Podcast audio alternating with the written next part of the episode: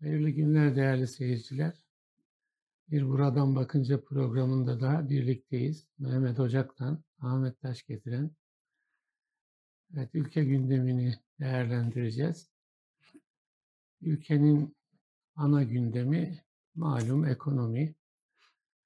Siyasi iktidarın e, ekonomi denemesi, yeni model denemesi devam ediyor.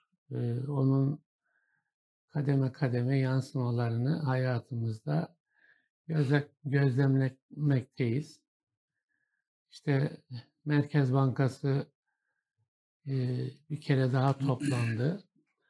E, bir faiz indirimi gerçekleştirdi 100 bas puan ve faizler 14 puana indi. E, enflasyon tırmanıyor. Döviz tırmanıyor TL'ye karşı. Yani bu sabahki rakamlar 16 liranın üstünde dolar TL'de. Yani artık bundan iki ay önce veya bir buçuk ay önce 8,5 lira civarındaydı. O zaman 10 lirayı görür müyüz diye konuşuluyordu. Tartışmaları yapıyorduk. 10 lira sanki böyle bir şeydi, kritik rakamdı. 10 lira geçti. 11 geçti, 12 geçti, 13 geçti. Acaba 15 falan mıdır e, iktidarın öngördüğü dolar rakamı? E, o da geçti şimdi. Birkaç müdahale yapıldı. Yani dört kere müdahale yapıldı bu süreçte. E, birkaç dolar, saat ancak süre. Evet birkaç saat.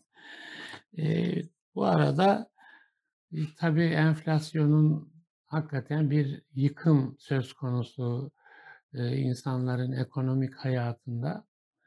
Onu acaba iktidar nasıl telafi edecek soruları sorulmaktaydı.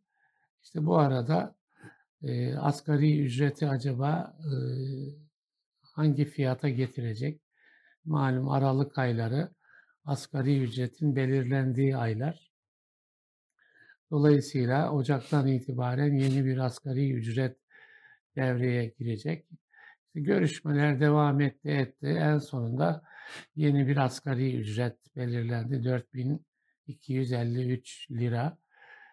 Ee, o şimdi ekonomik modelin getirdiği yıkıma e, bir e, karşı hamle gibi değerlendiriliyor. Acaba başka hamleleri de olur mu iktidarın?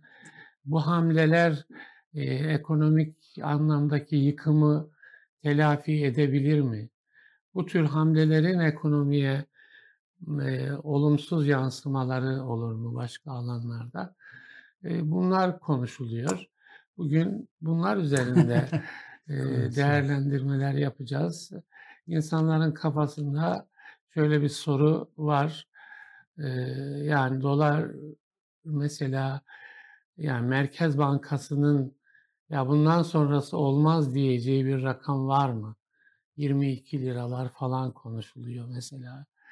Yani şimdiden Şimdi. baktığımızda ya o da mı falan gibi geliyor insana. Ama bu rakamlar da e, tamam, telaffuz tamam. ediliyor. E, bu arada Enflasyon nereye gider? Mesela Aralık enflasyonu yani sırf bir aylık enflasyon 7-10 puan arasında olacağı. Dolayısıyla yani bu yıl biterken enflasyonun %30'lara varacağı. Önümüzdeki 3 aylık süre içinde yani mesela Ali Babacan'ın kronik enflasyon, yüksek enflasyon yaşıyoruz artık dediği bir noktaya yani şöyle bir algı var hükümet enflasyondaki tırmanışı e, yani önemini kavramamış gözüküyor tarzında bir değerlendirme yapılıyor. Ben böyle bir e, manzara çizmiş oldum. E, oradan devam edelim. Normalde tabii e, bu e, asgari ücret rakamı e, işte ekonominin e, dengelerinin daha düzgün olduğu, her şeyin kendi kuralına göre işlediği bir dönemde olsaydık e, 4250 lira iyi bir rakam. Yani hala iyi bir rakam aslında. nefes aldıran bir rakam ama %50'lik bir artış. %50'lik bir artış var. E, fakat e, bu kadar e, işte dövizin yükselmesi, e, Türk parasının değerini kaybetmesi, alım gücünün yani sonuçta kağıt yani e, para dediğimiz şey. Önemli olan onun ne kadar yüksek olması, işte 5 bin olması, 6 bin olması değil ki. Önemli olan onun alım gücünün ne olması önemli. Yani onun da gidip pazarda, markette ne alabiliyorsunuz? O önemli. O değer kaybı olmuş. Yani işte faiz sebep enflasyon sonuçtur fantezisiyle bir ekonomik model oluşturmuşsunuz. Bu ekonomik modelin getirdiği ve e, ekonomide yaptığı tahribat, yıkım e, insanları artık bir takım şeyleri değerlendiremez hale gelmiş. Ben biraz bugün ironik bir şekilde şey dedim. Yani e, neredeyse sevinç tersinden yani çok absürt bir şey ama e, çünkü Nasıl normal sevinç? e, normal bir ekonomiyi konuşamıyorsunuz. Hani akılla ve mantıkla baktığımızda herhalde dünyanın hiçbir ekonomik kitabında, hiçbir ekonomistin değerlendirmesinde böyle bir ekonomik yapı, böyle bir model model olmaz. Yok yani. AK Parti'nin kendi geçmişinde de yok. Başarılı olduğu 2011, 2013'e kadar hatta 2015'e kadar diyelim geldiği süreçlerde başarılarının toplum tarafından satın alınmasının, toplumun AK Parti olan teveccühünün temelinde insanların hayat standartlarını yükseltmiştiniz.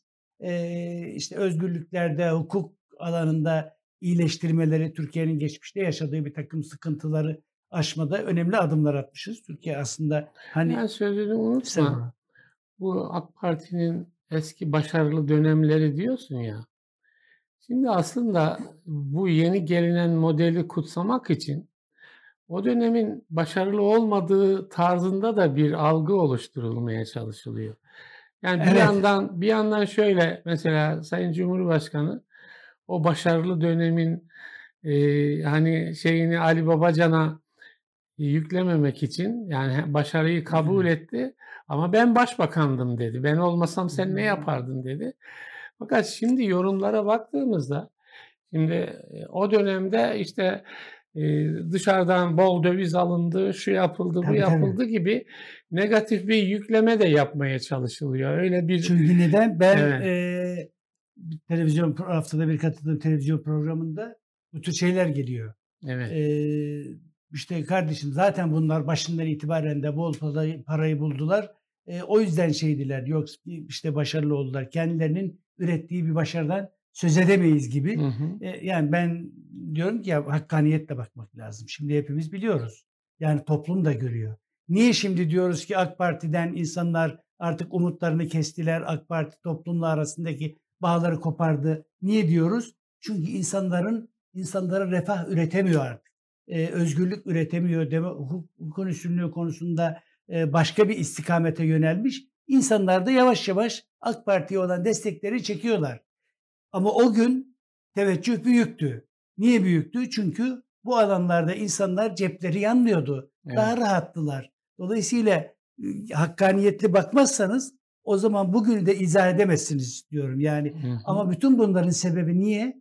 Çünkü AK Parti kendisi o döneme sahip çıkmıyor. Evet. Yani o kendini başarıya taşıyan e, olumlu işlerin altına imza attığı dönemi hiç çok da umursamıyor. Yani artık şimdi başka bir e, hikaye yazmaya çalışıyor da şimdi tabii bu asgari ücretten geldik. Asgari ücretin e, siz de biraz önce belirttiniz. Normalde döviz bu hızla giderse ve bir de zaten paranın değer kaybetmesiyle birlikte enflasyon e, daha da yükselecek ve bunun sonuçları aslında 3 ay sonraya doğru daha da şiddetli hale gelecek. Bu şeyleri ne zaman alacaklar asgari ücretliler? Ocak sonunda alacaklar. Aslında o günlere gelindiğinde zaten o paranın çok da bir alım gücü kalmayacak. Evet. Yani sıkıntılar ortadan kalkmış olmayacak. Bir de tabii asgari ücretin getirdiği normal ekonomik bir normal bir ekonomiden söz edemediğimiz için e, kim bu asgari ücretle ilgili maaş alan ya da maaş veren şirketler?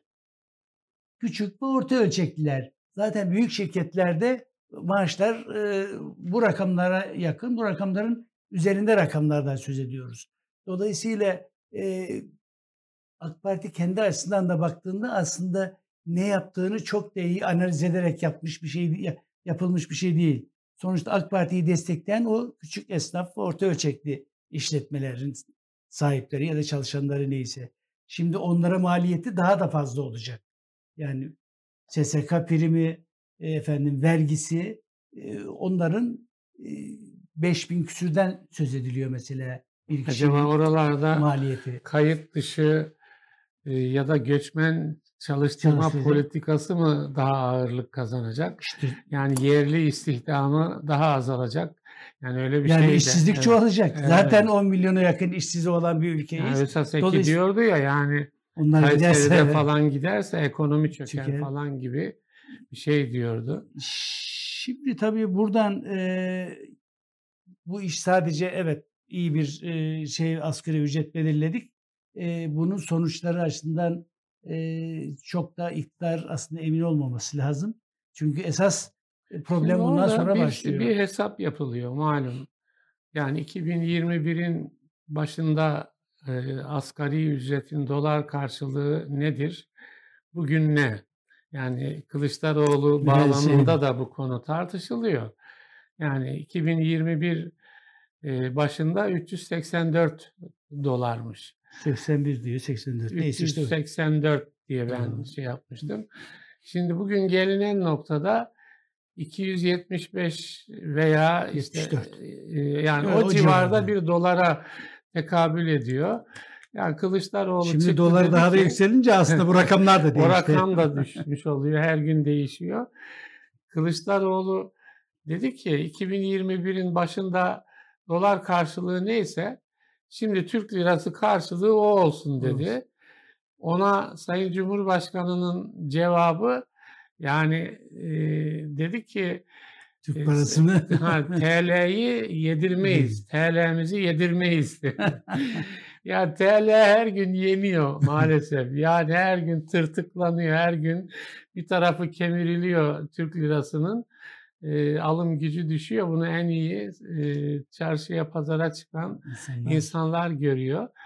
Tabii değerlendirmelerimizi asgari ücret üzerinden yürütüyoruz şimdi. Aslında yani bu modelin faiz ayağını devreye sokan, yürüten Merkez Bankası'nın kararları ve yansımaları boyutundan da sürdürmek mümkün. Şimdi bir de bu asgari ücret konusunda yani hakikaten senin de ifade ettiğin gibi kaç gün dayanacak?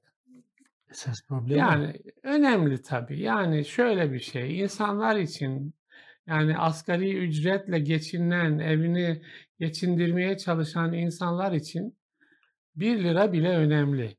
Evet. Yani markete gittiğinde 1 lira eksik olduğunda evet. e, evine götürmesi gereken zaruri ihtiyaç maddelerinden birisini alamamış e, olmayı yaşayan insanlardan söz ediyoruz.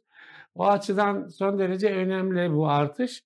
Ama hakikaten bu artışın dayanma gücü ne kadardır diye sorulduğunda ya da yani e, asgari ücret e, görüşmeleri başladığından bu yana raflara yansıyan fiyatlar bile değil mi?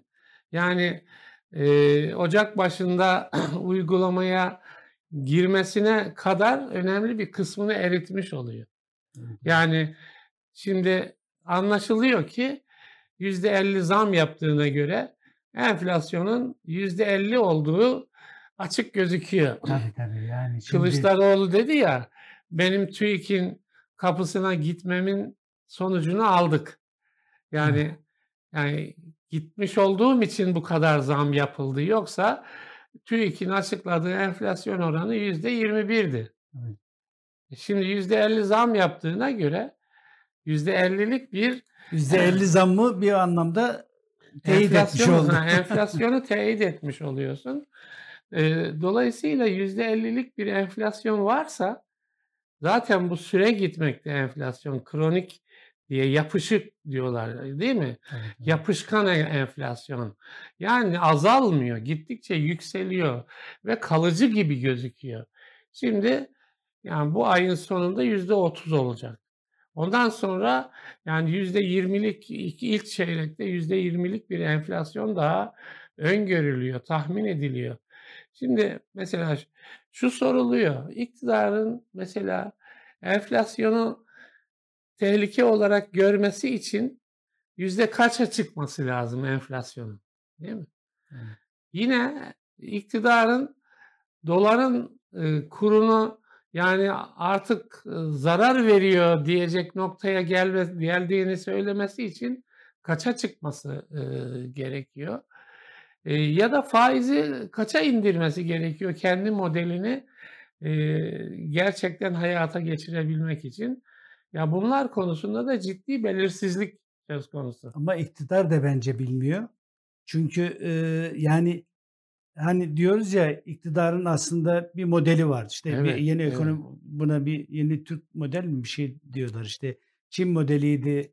e, bilmem ne modeli ise bir model Türkiye tarifi- modeli dedi. Türkiye modeli şeyi. dedi. Şimdi model dediğiniz şeyi oturup da yani şunu mu yapacağız?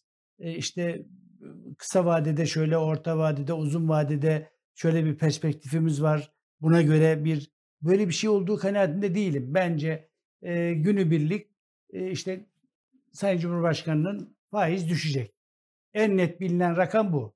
Faiz bunun dışında e, faiz düşecek. Dolayısıyla enflasyon da düşecek.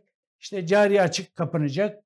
E, istihdam artacak. Yatırımlar artacak ve Türkiye e, güllük gülistanlık olacak. Yani tek okunabilen net proje bu. Ama bunun da yani hiçbir e, gerçekçi ekonomik modelle bir alakası yok. Yani dünyanın e, hiçbir yerinde olmadığı gibi AK Parti'nin başarılı olduğu dönemlerde de yok. Yani dolayısıyla e, şimdi esas zaten günübirlik etiketler değişiyor. Yani bir markete gittiğiniz zaman diyelim ki 3 gün önce geldiniz bir şey aldınız. 3 gün sonra gittiğinizde oradaki etiketin değiştiğini zaten görüyorsunuz. Doğal olarak bu şu değil. Ya bunlar da ne fırsatçı adamlar. O anlamda değil. Çünkü zaten siz faizle bütün Türk parasının değerini düşürüyorsunuz. Ee, döviz yükseliyor. Yani bunların yansımaları doğal olarak kendiliğinden oluyor zaten. Böyle bir ortamda insanların asgari ücretini 10 bin bile yapsanız eğer bu rakamlar bu ekonomik politika ya da politikasızlık neyse devam ettiği sürece yani bir çözüm üretmeniz mümkün değil. Çünkü ne Evet. yapıldığı, e, neye göre nasıl bir plan yapıldığını bence iktidar da bilmiyor. Yani bu en tehlikeli şey budur yani. İktidar da bilmiyor. Şimdi bunu siz ben burada söylüyoruz. Biz ekonomist değiliz ama Ekonomistler bunu söylemekten kaçınıyorlar. Nazik insanlar. Dinliyorum, takip ediyorum televizyonlarda. Böyle bilim adamları var, ekonomistler var vesaire. Yani piyasanın içinde olan insanlar var, iş adamları var. Genelde e, yani sakınan bir dil kullanıyorlar. İktidarla böyle karşı karşıya gelmemeyi arzu ediyor olduklarını hissediyorsunuz. Yani bunu Evet. belki mesela e, Gelecek Partisi'nin ekonomi kadrosu var. E, ne bileyim Deva Partisi'nin ekonomi kadrosu var. Bu CHP'de de var. E, İyi İyi Parti. Parti'de de var. Şeyde de var. işte Temel Karamollaoğlu Saadet Partisi'nde de var. En net, en açık söyleyenler onlar. Hakikaten yani mesela e, bazı kanallar şimdi daha çok e, işte Gelecek Partisi'nin e, ekonomi kadrosundan insanları çağırıyorlar. Yani bakıyorum iktidara yakın e, isimlerin oradaki e, rolleri hakikaten perişanlık. Yani olayı kavramıyorlar ama savunmak istiyorlar. Savunmak zorundalar. Savunmak zorundalar. ama hakikaten bu söylediğiniz denemenin e, nereden başlayıp nereye doğru gittiğini, gideceğini kestiremiyorlar. Ya işte dolar önünüze çıkıyor. 16 lirayı geçmiş. Hadi izah et. Enflasyon tırmanıyor. Hadi izah et. Yani bunun üretimle ne bileyim istihdamla yani pozitif bir ilişkisini söyle. Bütün alanlar negatife dönük. Anlatabiliyor muyum? O açıdan hakikaten iktidar bile bilmiyor şeyi. Ee, ben bugün kerameti kendinden menkul ifadesinden yola çıkarak yani öyle bir ifade var bizim kültürümüzde. Yani biraz e, hakikaten keramet göstermeyen, gösteremeyecek adamlar kendileri keramet naklederler böyle. Şimdi biraz bu ekonomi politika ona benziyor. Biz çok iyi bir şey bulduk. Yani Türkiye için bulunmaz bir model geliştirdik. Oysa bu değil. Oysa bu değil. Yani onun getirdiği ürünler şu anda deniyor ki bize siz 6 ay sonrasını görün. Daha daha bir buçuk yıl sonrasını görün. Şimdi aslında yani ekonomiyi doğru okuyan insanlar ya bu işin 6 ay sonrasında daha perişanlık var. Yani bu hani Nasrettin Hoca'nın evin önüne diken ekmesine benziyor. Göle maya çalmasına benziyor. Ya tutarsa tarzında bir şey. Onun için de biz şu anda hakikaten yani insanlar bir karabasanın içinden geçiyorlar. Öyle bir şey. Şimdi mesela Amerika yani dünyanın en büyük ekonomilerinden birisi öyle söyleyelim. Yani Çin'le Min'le evet. yarışıyor ya da Çin onunla yarışıyor. Şimdi Fed'in yaptığı açıklama yani önümüzdeki yıl içerisinde faiz artışını, enflasyonu gelişme trendini görüyor. Yani enflasyon artacak diye bir öngörüde bulunuyor. Faizi artırabiliriz diye de bir şey koyuyor bakın.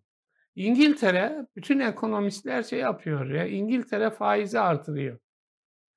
Şimdi yani bunlar e, faizin sıfırlar seviyesinde seyrettiği ekonomiler ve büyük ekonomiler. Niye faiz artırıyorlar? Ya faizin ekonomiye getirdiği yükün farkında değiller mi? Ama enflasyonu en büyük tehlike olarak görüyorlar. Şimdi bizde ekonomistlerin yaptığı değerlendirme şu. İktidar enflasyonun tehlikesini ıskalıyor. Enflasyonun nasıl bir tehlike olduğunu ıskalıyor. Şimdi şeyi konuştuk asgari ücreti. Asgari ücreti verdiniz. Ondan sonra tır, tırtıklandı zaten Davutoğlu'nun ifadesiyle tırtıklandı zaten. Tırnakçılık yapıyorsunuz diyor. Tırnakçılık yapıyorsunuz diyor. Yani şimdi enflasyon aşındırıyor her gün. Yani Türk lirasını yedirmeyiz diyorsunuz. Enflasyon Türk lirasını yiyor. Değil mi? Evet. Yani şimdi o açıdan yani asıl sorun yani hakikaten işte bilip bilmediği yani bu planlamanın yani bir büyülenme mi? Yani birisi birilerini büyüledi ve biz bir mecraya sokulduk. Ama bu mecranın nereye doğru gideceğini kimse kestiremiyor. Şimdi tehlike var diye e, çığlık atanlara da inanmıyor insanlar ya da şey inanmıyor. İktidar inanmıyor. İktidar inanmıyor. Şimdi ama burada tabii e, normalde sokaktaki bir insan bile artık e, ya bunlar bu bu ülkede yaşamıyorlar. Başka bir evrende yaşıyorlar. Bana göre de yani bunun bir izahı yok. Yani mantıken düşünen, ekonomik gerçeklerle bakan herkes ya da sokaktaki insanlar bile böyle bir şey olmaz. Yani göre göre diyelim ki faizi düşürdünüz.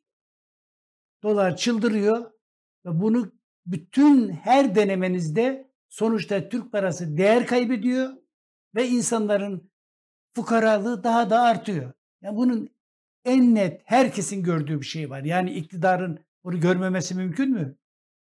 Ama ya e, hani bir şey mi bekliyorlar ya bizim bilmediğimiz bir e, proje mi var? Yani bir mucize mi bekliyorlar? Ya da hatta ben dedim yani Mehdi falan gelecek de bu dış güçleri içerideki mandacıları gönderecek memlekette ekonomiyi güllük gülistanlık haline mi getirecek? Öyle bir proje yoksa Ama bu bir Şimdi şeye düşman, dayanmalı ama. dış düşman yok dedi biliyorsun. Nebati yani Sayın Bakan. Ee, dış düşman yok. İçeride spekülasyon ve manipülasyon var dedi. Şimdi birçok insan yani diyelim ki maaşınızı aldınız. Yani şeyden maaşını aldı. Ne yapayım ben diyor. Ya bu maaş aldığım günün ertesi gün erimeye başlıyor. Değil mi? Yani dolar e, lira lira artıyor. Kuruş kuruş değil. Lira lira artıyor. Ya mesela insanlar soruyorlar. 12 liradan bir ara 10 liradan dolar alınır mı? Bir gün 11 liradan alınır mı? 12 liradan alınır mı? 15 liradan alınır mı? Yani bu soruların altında ya daha yükseğe gider mi bu? Çıldırdı bu. Değil mi? Yaklaşımı Evet. hakim. Şimdi 16 lira oldu. Şimdi 16 liradan alınır mı diye. Şimdi mesela e, borsa yükseliyor. Değil mi? Borsa yükseliyor. Ne bunun anlamı? Yani doların e, paralel yükselmesi, borsanın yükselmesi insanlar elinde TL tutmak istemiyor. Yani 3 kuruş alan dolara yatırıyor. 5 kuruş alan e, borsada bir e, şeye giriyor. Hisse senedi almaya çalışıyor. Çünkü iktidara güvenen, bugüne kadar iktidara güvenen bu para şeyinde biliyorsun Sayın Cumhurbaşkanı'nın işte Ha, dövizlerinizi bozdurun dedi. Güvenin. Evet. Güvenenler kaybetti. Evet. İktidara güvenenler kaybetti. Dolayısıyla e, yani eğer elinde üç kuruşu varsa dediğiniz gibi ya altına ya borsaya ya dövize bir yere koyup da aman işte kara günde bu bir dursun bir Erimesin, kenarda. erimesin, Erimesin erimesin diye. yani. Bir de mesela güven dedin ya, şimdi Nurettin Nebati, Sayın Bakan, eee, işte verdiği ilk mülakat Sevilay Yılmaz'a Habertürk'ten, orada o konuşmanın içerisinde belki 5-6 kere güven kelimesine vurgu yapıyor. Bize inanın, güvenin diye vurgu yapıyor. Şimdi aslında sorunu da görüyorlar. Değil mi? Evet, evet. Sorunun bir güven sorunu haline geldiğini de görüyorlar. Belki şunu göremiyorlar. Niye güvenmiyor insanlar? Niye güvenmiyor? Yani içeride spekülasyon diyor, manipülasyon. Ya bu diyelim ki yani 100 milyon dolar alan falan değil. Yani 3 kuruş maaşını alan gidiyor dolar alıyor, döviz alıyor. Yani manipülasyon her insanın kendi içinde var. Çünkü e, görüyor parasının, cebindeki paranın her gün eridiğini. Gidiyor bir kilo peynir alacakken aa cebindeki para bir kilo peynir almaya yetmez hale gelmiş. 750 gram, yarım kilo. %50 artmış. Sütün fiyatı artmış. Etin fiyatı dokunulamaz hale gelmiş. Onun için yani aslında sorunu tam okuyabildiklerini de düşünmüyorum ben. Yani tamam.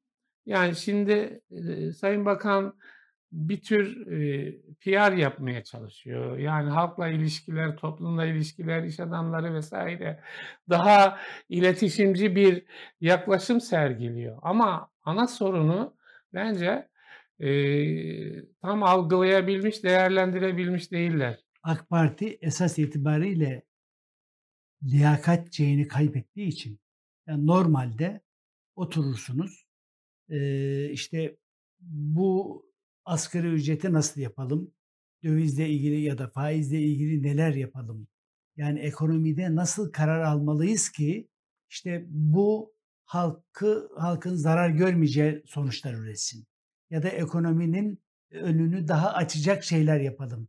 Yani böyle bir artık böyle bir proje yok. Yani daha doğrusu AK Parti'de böyle bir çalışma yok. AK Parti iktidarında.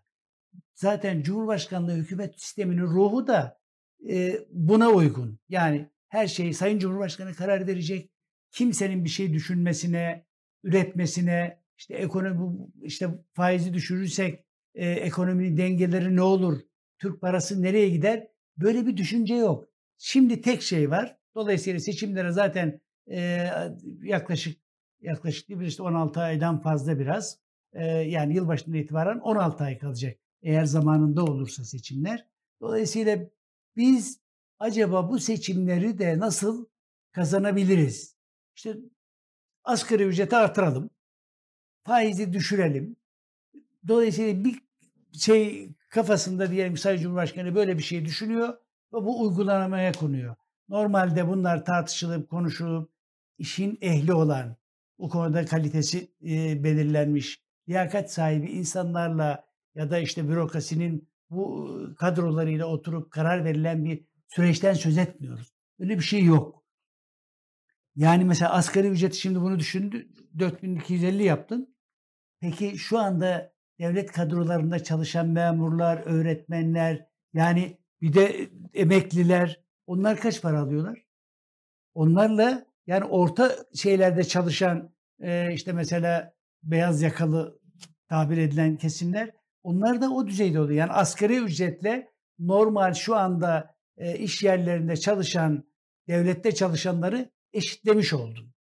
Şimdi mesela e, 15 yıllık bir öğretmen ne kadar alıyor? 5000 küsür alıyor.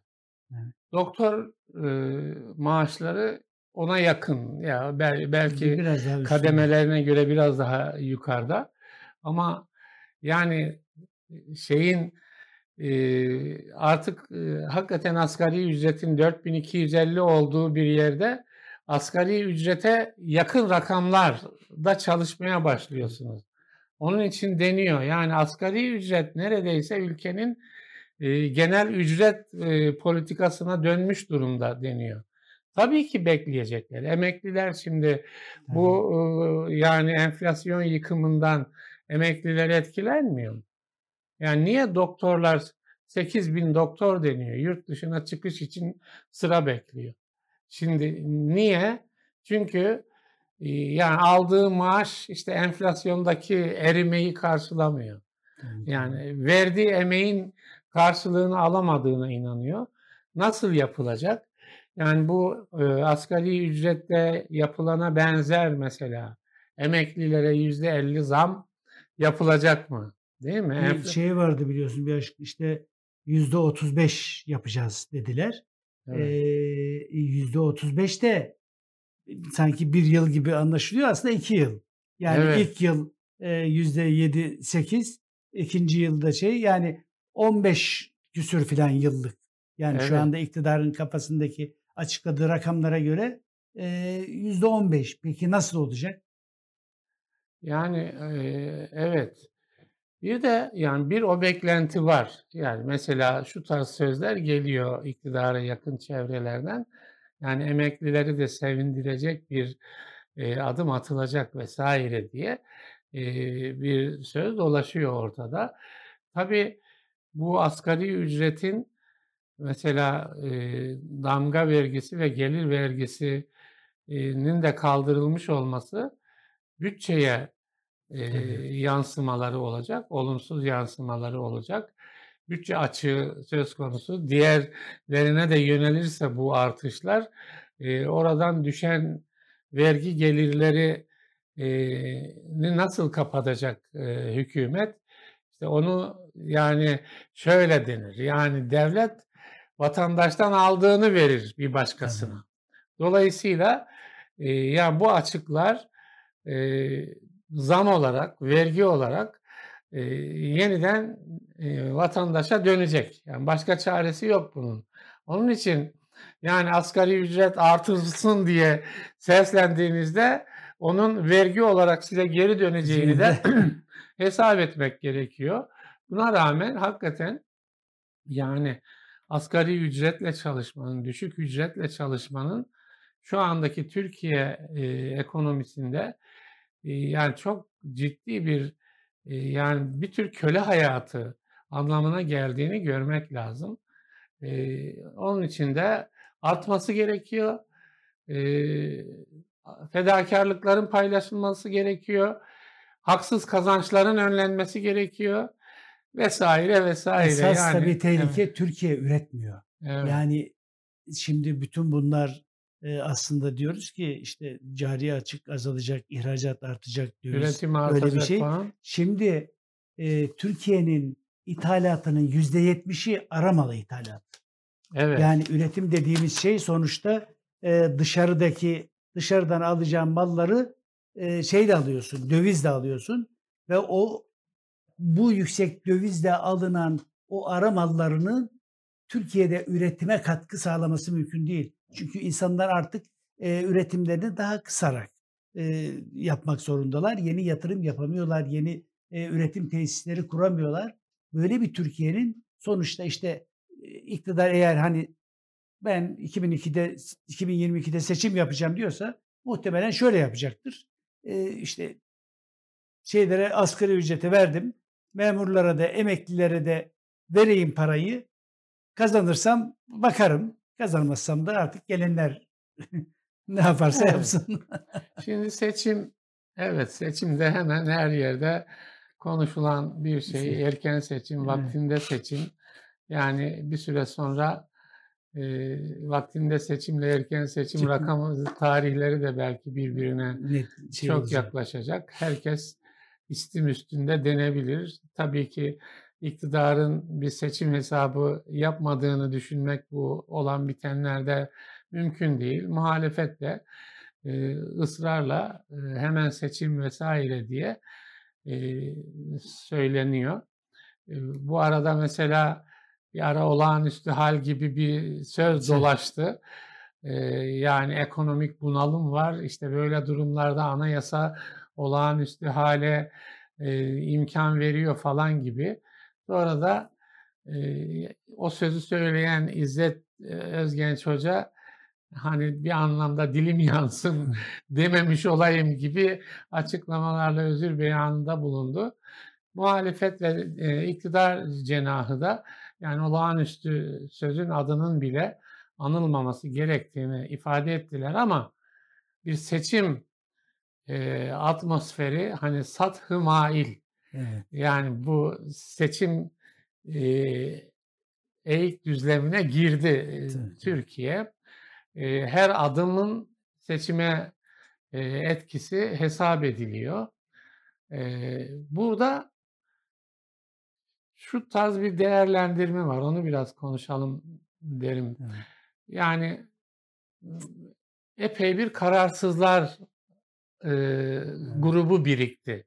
Yani bütün kamuoyu araştırmaları kararsızlar grubu özellikle de yani AK Parti'den e, ve MHP'den iktidar grubundan ayrılanların oluşturduğu bir kararsızlar grubu var. Belki diğer partilerin de e, ufak tefek Evet, ayrılışlar söz konusu. Ama o kararsızların geniş bir kısmını Ana kütleyi AK ana Parti kütleyi iktidar cenahından kopanların ya da e, mesafe koyanların oluşturduğu söyleniyor. Orada da e, yani AK Parti'ye ve MHP'ye desteklerin önemli bir e, boyutu kimlikle bağlantılı deniyor. Yani halen AK Parti'ye bağlı da bir e, oy e, kesimi var değil mi? Yani o yüzde 24 mü kemik oy diye Evet. Bilinen. E, kararsızlar falan eklendiğinde yüzde 32'yi vesaire e, buluyor. Şimdi bu kimliği etkiler mi ekonomik gelişmeler? İnsanların e, kimlik aidiyetini ve oy verme motivasyonunu etkiler mi? Yani hayat pahalılığı canımıza tak etti. Artık yani iktidarın şunu savunuyor, bunu savunuyor olması beni ilgilendirmiyor. Evde çocuğum açsa, ona kalem alamıyorsam, e, beslenme koyamıyorsam e, bundan daha ağırı olmaz der mi insanlar? Yoksa hala kimlik etkili bir e, siyasi motivasyon mu? Bu konu tartışılıyor e, malum. E, yani senin gözlemin. Aslında tabii e, yani Türkiye'de Türkiye no- normal bir Avrupa ülkelerinden herhangi birisi değil. Evet. Yani burada e, ideolojik e, aidiyetler, kimlikler, e, işte dini hassasiyetler, o dini değerler üzerinden insanların birbirlerini tarif etmeleri daha keskin bizde. Yani o yüzden e, yani kuşkusuz bunun bir şeyi var. E, ama e, sonuçta insanların e, seçmenlerin daha doğrusu davranışlarını nihai anlamda belirleyen bana göre ekonomik şeyler.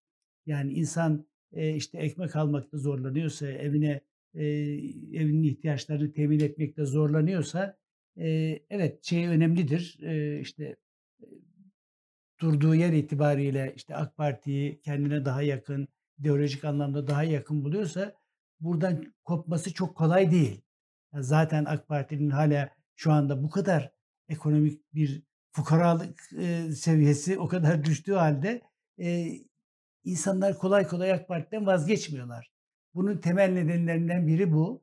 E, ama bu rakamın e, bence çok işte yüzde 10-15 gibi bir rakam olduğu kanaatindeyim. E, bunlar biraz da e, yani gördüğümüz e, kesimler, insanlar da var. E, Sayın Cumhurbaşkanı'nın söylemlerinden etkilenen, onun karizmasından etkilenen ve hala e, orada artık e, ideolojik kimliği de aşan bir e, kendilerine aidiyet duygusu kazandıran kazandırılmış bir kesim var. E, onları dışarıda tutarsak bunun dışındaki insanların büyük oranda e, davranışlarını, seçimdeki e, oy tercihlerini bence ekonomi belirleyecektir. E, ama şimdi mesela seçimlere AK Parti'deki memnuniyetsiz kesimin e, oranlarının yani yüzde onun üzerinde olduğu kesin. Yani asgari yüzde on bir kesim var ki bunlar AK Parti'de artık ayakları dışarıda duruyor. Fakat henüz bir şey de belirleyebilmiş değiller. Yani ya onda muhalefetin e, çekici bir e, e, duruşu, e, e, tavrı olmamasının da yani kararsızlar alanında, havuzunda duruyor. Ama herhangi bir muhalefet partisine de yoğun biçimde yönelmiş değil gözüküyor. İşte oradaki e, adresler e, evet adresler var. Fakat o adreslerin cazibesi henüz e, o anlamda e, yani bu şartlardan dolayı da olabilir ama e, en azından o kesim açısından çok henüz cazip değil. Ya da biz öyle görüyoruz. Mesela anketlerde e, araştırma şirketlerinin yaptığı anketlerde bazı şeyler yani bu yüzde on dediğimiz muhafazakar kesimin yansımadığını görüyorum. Hmm. Belki de bunlar sandığa gidene kadar da e, çok bunları bilemeyeceğiz. Yani evet merdiven altı e, anket şirketleri hariç normalde bu araştırma şirketlerini bilimsel yöntemlerle çalıştığını, e, üç aşağı beş yukarı sonuçları e, ürettiğini biliyoruz. Ama e, geçen de bir anket şirketi diyordu ki belki de bunlar tam sandığa gittiğimiz zaman bizim elimizdeki bütün anketler belki de çöp olacak. Hmm. Çünkü e, özellikle AK Parti'deki muhafazakar kesimlerin tercihlerini çok yansıttığını söyleyemiyoruz. Yani belki sandığa... Şöyle bir şey denir biliyorsun yani sandık vicdanı. Bu kimlik konularının en çok sandık vicdanı noktasında devreye girdiği. Yani insanların ele oraya oraya falan yani e, orada kimliğin daha etkili olabileceği ihtimali üzerinde Çünkü de duruluyor. E, %65'i genel bir tanımda muhafazakar evet. denir. Dolayısıyla e, bunların e, işte yani CHP'deki bütün değişime rağmen e, elleri oraya gitmeyenler mutlaka olacaktır. E, bunun için işte diyelim ki DEVA var, Gelecek var, belki İyi Parti daha merkezde duranlar açısından e, tercih e, sebebi olacaktır. E, ama e, mesela normalde şu son dönemdeki e, televizyonlarda, gazetelerde konuşan, ekonomi alan, anlamında söz söyleyen insanlar işte Deva ve Gelecek Partisi'nin isimleri. Yani evet. hakikaten de onlar e, ayrılan bir noktadalar. Ama buna rağmen o partilerle ilgili biz anketlerde sonuçları bu oranda görmüyoruz. Bu kimlik konusunda biliyorsun AK Parti yola çıkarken hani muhafazakar demokrasi söylemiyle, mottosuyla yola çıktı. O zaman böyle bir kitap da yazdı Yalçın Akdoğan. Tayyip Bey'e de çok yakın bir isim de o zaman. Ee, Yalçın'ın bir yazısını okudum. 2003'te Yeni Şafak'ta yazmış. Yani kimlik politikasını eleştiriyor. Yani kimlik kimlik aidiyetini önemsemek lazım. Ama kimlik üzerine politika yapmamak lazım. AK Parti oradan yola çıkıyor. Onun için de mesela milli görüş gömleğini çıkardık falan diye. Yani hatırlarsan mesela Tayyip Bey hem belediye seçimlerinde hem daha sonra Beyoğlu'nda bu arka sokaklarda falan e, orada yaşayan insanlarla ne bileyim gazinolarda falan yaşayan insanlarla iletişim kurmaya çalıştı. Yani normalde muhafazakar kimlik açısından mesafeli durulabilecek alanlarla şey oluşturmaya çalıştı. Şimdi gelinen noktada yani bu özellikle de Cumhur İttifakı'yla ve Cumhurbaşkanlığı hükümet sistemiyle birlikte %50 artı bir oy zaruretinin ortaya çıkmasıyla bunu nasıl sağlayabiliriz?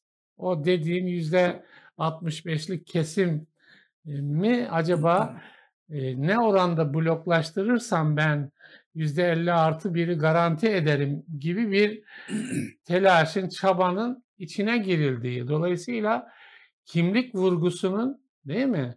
ideolojik vurgunun öne çıktığı gözleniyor. Hatta bu ben ısrarla onu değerlendiriyorum. Şimdi Cumhurbaşkanı Cumhur'un başkanıdır. Yani 84 milyonu hmm. temsil ediyor. Anayasaya göre de milletin birliğini temsil ediyor. Oysa kamplaştırıcı politika e, bu kimliği %50 artı 1'e indiriyor. Yani bu o kapsayıcı özelliği ortadan kaldırıyor. Belki yani AK Parti açısından asıl buraya bakmak lazım. Yola çıkışla bugün toplumun genelini temsil noktasında e, çok ciddi farklılaşma var ve bana göre bu çok önemli bir problem oluşturuyor.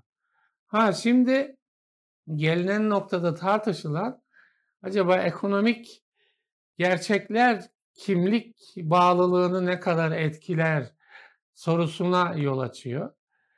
Bir duayen politikacı bana bir değerlendirme yaptı. Dedi ki bu muhafazakarlık ve milliyetçilik tamam çok belirleyici gözüküyor ama Türkiye'de e, son zamanlarda mesela bazı bölge hassasiyetleri diyelim Karadenizli olma hassasiyeti bazı etnik hassasiyetler yani diyelim Kürtlük eksenindeki politikalar yani ağırlıklı olarak etkilemeye başladı.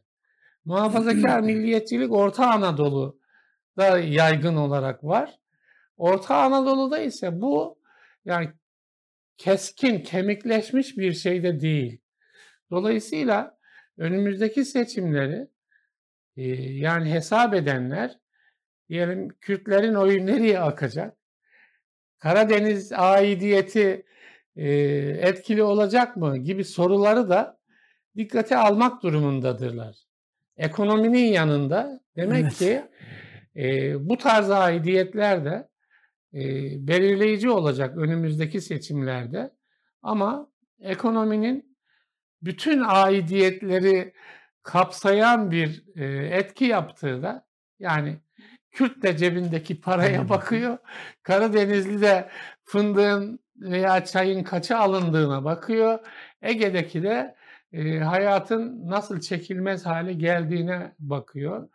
Dolayısıyla e, yani kimlik sınavının da yaşanacağını söylemek mümkün işte diye esas, düşünüyorum. Yani sonuçta konuştuğumuz yüzde onluk bir şey var. Yani evet. AK Parti şeyden baktığımızda bunlar yani memnuniyetsiz kesimler daha çok bunlar. Evet, Kendini evet. artık e, AK Parti içinde göremeyen ve bir ayağı dışarıda olan bir kesim var.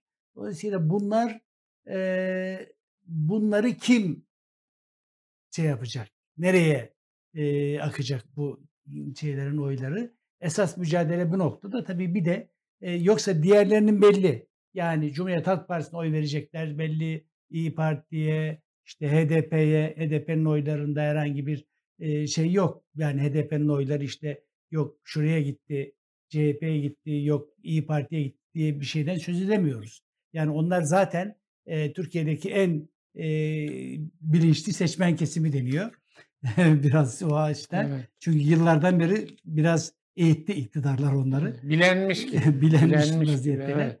Eee, dolayısıyla ha Cumhurbaşkanlığı seçiminde onların oyları önemli. Eee, ama esas, eee, iktidarın değişimi yine Cumhurbaşkanlığı seçimi açısından, eee, yani bir %10'luk muhafazakâr kesimin tercihi önemli. Bir de tabii Kürtlerin. Yoksa diğerleri zaten yerlerini almışlar ve herkes kendi kulvarında, eee, ilerlemeye devam ediyor. Eee, o açıdan belki şeye Kılıçdaroğlu'nun şeyini de Evet, tam işte lazım. o ona geliyoruz. Yani kimlik ilişkisi açısından da değerlendiriliyor. Yani, eee, oran şu olur, bu olur ama kimlik kesinlikle, eee, bir etki unsurudur, değil mi? Evet. Eee, siyasi tercihlerde. Şimdi, geçen haftalarda da konuştuk. Yani Millet İttifakı'nın aday problemi. Bu herkesin kafa yorduğu bir problem. Yani şimdilerde, eee, Cumhur İttifakı cenahı da hani siz daha adayınızı belirlemediniz, aday çıkaramıyorsunuz vs. tarzında, eee, bir sıkıştırmada da, ııı, bulunuyorlar. Yani belki iktidara alternatif arayan toplum kesimleri de ya kim olacak ki? Yani, eee, Tayyip Erdoğan'ın karşısına muhalefet kimi çıkarır, eee, gibi bir soruyla meşgul. Şimdi Kılıçdaroğlu adı dolaşıyor. Kılıçdaroğlu, eee, en son mesela şu konuşuluyordu ya 1'inci tekil şahıs kullanıyor. Kendisini sunuyor bir anlamda, eee, gibi. Kendisine de soruldu bir programda. Yani, aday olur musunuz diye. Yani, eee, ortaklarımız Millet İttifakı'nın ortakları aday gösterirse memnuniyetle olurum dedi. Şimdi bu sözden sonra sanki Kılıçdaroğlu'nun adaylığı, s bir adım daha öne çıkmış gibi oldu ya da öyle konuşulmaya başlandı. Bir yandan da, eee, sanki Cumhur İttifakı cenahı aman Kılıçdaroğlu olsun, Tayyip Erdoğan onu yer, yani amiyane ifadeyle söylersek gibi bir yaklaşım, eee, içerisinde.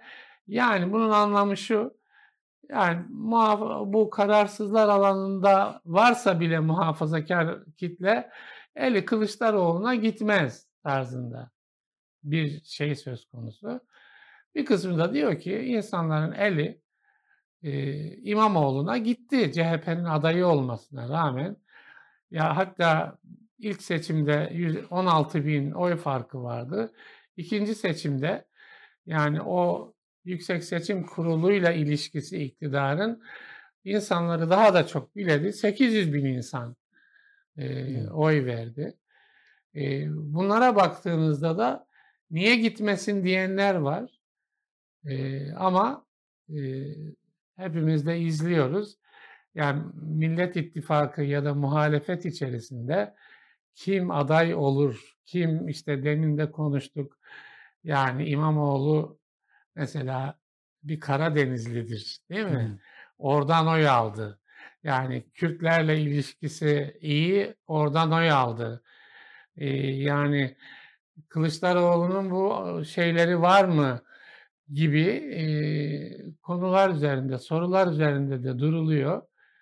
Yani sorun hâlâ ortada Millet İttifakı adına diye demek As mümkün. aslında tabii, eee, öteden beri demin sizin söylediğiniz gibi, eee, işte AK Parti'nin tepe noktalarında aslında, eee, Sayın Cumhurbaşkanı'nın karşısına Sayın Kılıçdaroğlu çıkarsa biz onu tercih ederiz gibi. Fakat şimdi birtakım yazılar görüyorum.